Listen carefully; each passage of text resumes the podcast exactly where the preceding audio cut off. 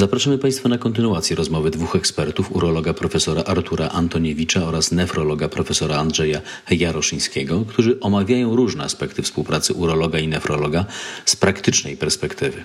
Tym razem innymi w zakresie dializ i przeszczepów. Myślę, że nie od rzeczy byłoby posłużyć się e, w tej części naszej rozmowy jakimś przykładem, prawdziwym przykładem z codziennej praktyki lekarskiej, który y, bardzo jaskrawo ilustruje no, sposób y, naszej współpracy. Ja, ja bym dał przykład chorego, który trafił do oddziału, którym kieruję kilka dni temu, tuż przed weekendem. Y, to jest mężczyzna w wieku 65 lat, obciążony między innymi cukrzycą, nadciśnieniem tętniczym, chorobą wieńcową, już miał wcześniej wykonywane zabiegi angioplastyki tętnic wieńcowych. E, w tej chwili nie ma objawów ze strony serca, natomiast trafił e, z powodu pogorszenia samopoczucia, skąpo moczu, trudności z wydalaniem moczu, osłabienia, nie miał gorączki. Niemniej rodzina zauważyła, że jego apetyt spadł, w tym również zmniejszyła się ilość spożywanych płynów, jest niechętny, osowiały i trafił do SOR w warunkach ostrego dyżuru. Tam stwierdzono, że jego kreatynina wynosi 9 razy norma. E, stężenie potasu wynosi 5,6 nanomola w litrze. No i po chwili okazuje się, że pęcherz chorego jest wypełniony, że tak powiem, po pępek. E, wyczuwa się ogromny pęcherz w brzuchu.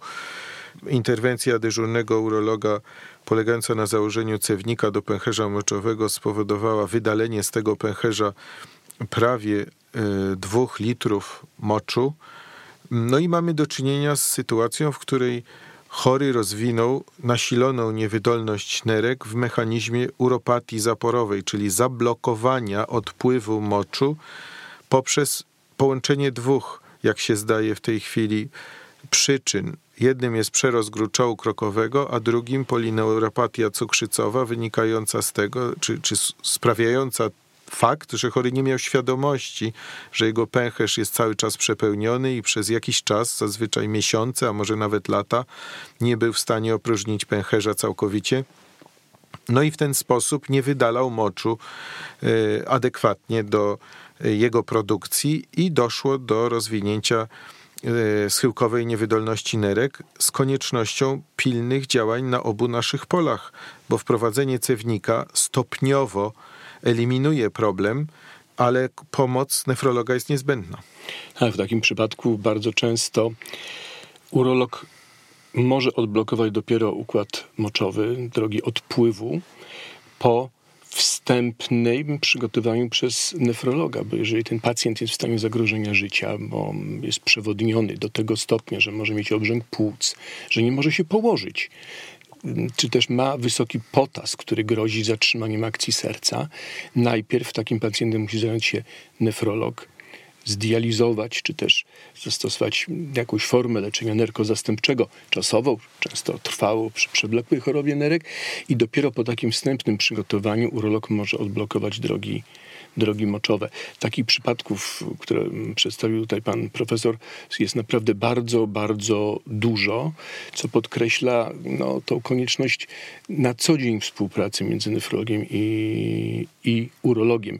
I w tym momencie dotykamy kolejnego mm, aspektu wspólnych działań, mianowicie przewlekłej choroby nerek, już zaawansowanej, prowadzącej do konieczności leczenia nerkozastępczego, dializoterapii, bądź też najlepszej metody na zastąpienia tej funkcji nerek, mianowicie przeszczepu y, nerek. Ale zanim może jeszcze mm, przejdziemy do tego zagadnienia, chciałem powiedzieć, że w nefrologii w której dotychczas właśnie rozwijaliśmy przede wszystkim te metody leczenia nerkozastępczego, w ostatnich latach doszło do rozwoju nowych grup leków, które potrafią zdecydowanie przedłużyć ten okres od wystąpienia uszkodzenia nerek do konieczności dializoterapii. To są dwie nowe grupy leków, które coraz częściej i coraz a powinny jeszcze częściej wchodzić do codziennej praktyki.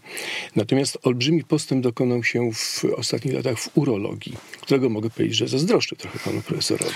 To prawda. E, e, urologia rozwija się sukcesywnie od około 20 lat w kierunku chirurgii minimalnie inwazyjnej. To są operacje wykonywane metodą endoskopową, czyli zarówno przez naturalne otwory ciała w urologii, to jest ujście zewnętrzne cewki moczowej, a więc wnikamy do dróg moczowych od strony ujścia tych dróg i penetrujemy je na, na całą jakby rozległość, bo możemy również endoskopami dotrzeć do nerek. E, na, na stosunkowo dużą odległość od ujścia zewnętrznego cewki, również laparoskopowo, a ostatnio laparoskopowo we wsparciu robota chirurgicznego i e, tutaj kontekst nefrologiczny jest niezwykle istotny, mianowicie u części chorych, u których występuje guz nerki, nowotwór nie zawsze złośliwy, ale najczęściej jednak potencjalnie groźny dla zdrowia i życia, metodą z wyboru przez wiele lat było wycięcie nerki. Niekiedy zdarzało się, że to była nerka ostatnia, bo chory albo urodził się z jedyną nerką, albo w toku życia z różnych powodów stracił jedną nerkę, czy z powodu urazu, czy z innych jeszcze e, powodów chirurgicznych, i w efekcie, w momencie, w którym rozwinął się guz w nerce jedynej, te, ten chory tracił tę nerkę no i w efekcie musiał e, trafić do leczenia nerkozastępczego, najczęściej w postaci dializ. Natomiast e, z chwilą rozwoju technologii minimalnie inwazyjnej, w tym między innymi specjalizuje się nasz ośrodek, prowadzimy operacje chirurgiczne z zaoszczędzeniem nerki, to znaczy endoskopowo wycinamy guz z nerki, czy to jest nerka jedyna, czy to jest jedna z dwóch nerek, e, w sposób radykalny, eliminując nowotwór, natomiast Myślą przewodnią takiego podejścia jest zachowanie czynnego organu, zachowanie nerki, tak, żeby nie dochodziło do wystąpienia niewydolności nerek. To jest jeden z największych elementów postępu y, urologii współczesnych czasów. Chirurgia minimalnie inwazyjna y, w odniesieniu do nerki. To często powoduje, że nie musimy dializować, bo poza obecnością jednej nerki często też usuwacie Państwo guzy, czy też operujecie, usuwając jakąś część nerki u pacjenta, który ma co prawda dwie nerki, ale obie chore. Tak. I usunięcie tej jednej powoduje, że ta druga chora, usunięcie jednej chorej nerki z powodu i urologicznego i nefrologicznego powoduje, że ta druga nerka nie jest w stanie już zastąpić tej i podjąć, się, i podjąć funkcji, która by pozwoliła na, na utrzymanie odpowiedniego no, poziomu tej homeostazy, czyli, czyli, czyli mm, zdrowia pacjenta. Może przejdźmy teraz do przeszczepów, bo to jest również, mm, wydaje się, taki punkt mm, wspólny wspólny punkt z tego względu, że nefrolog prowadzi leczenie nerkozastępcze, czyli bądź to tak zwana sztuczna nerka, czyli hemodializa, tak, metoda podtrzymania życia pacjenta, który tą funkcję nerek ma zbyt mało, żeby żyć. Inną metodą jest dializa otrzewnowa, to samo wskazanie, czyli leczenie pacjenta, którego funkcja nerek nie pozwala jemu nie tylko na zdrowe życie, ale w ogóle często na życie, najczęściej. I tą trzecią metodą, do której kwalifikuje nefrolog, przygotowuje nefrolog, ale później zabiegowiec przeszczepia nerki. Czy to jest chirurg ogólny, różnie to jest w różnych ośrodkach, chirurg naczyniowy, ale bardzo często chirurg urolog dokonuje przeszczepu nerki, czyli przeszczepia się narząd pobrany od osoby zmarłej, bądź coraz częściej od osoby żywej, spokrewnionej i taką nerkę wszczepia się pacjentowi leczonemu nerko zastępczo.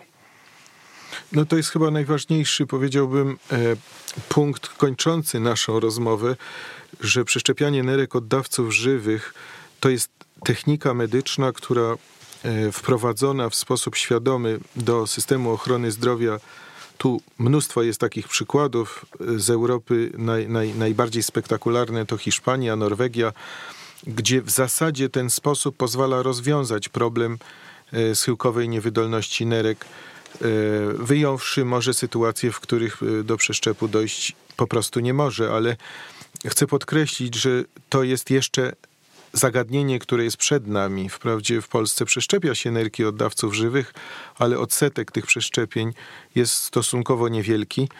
I e, wydaje mi się, że to jest pewien, pewne zadanie, pewien kierunek, który e, współczesna, świadoma e, medycyna powinna gwałtownie eksplorować, powinniśmy docierać z wiadomością do społeczeństwa, że ten sposób powinien być przez wszystkich traktowany jako priorytetowy.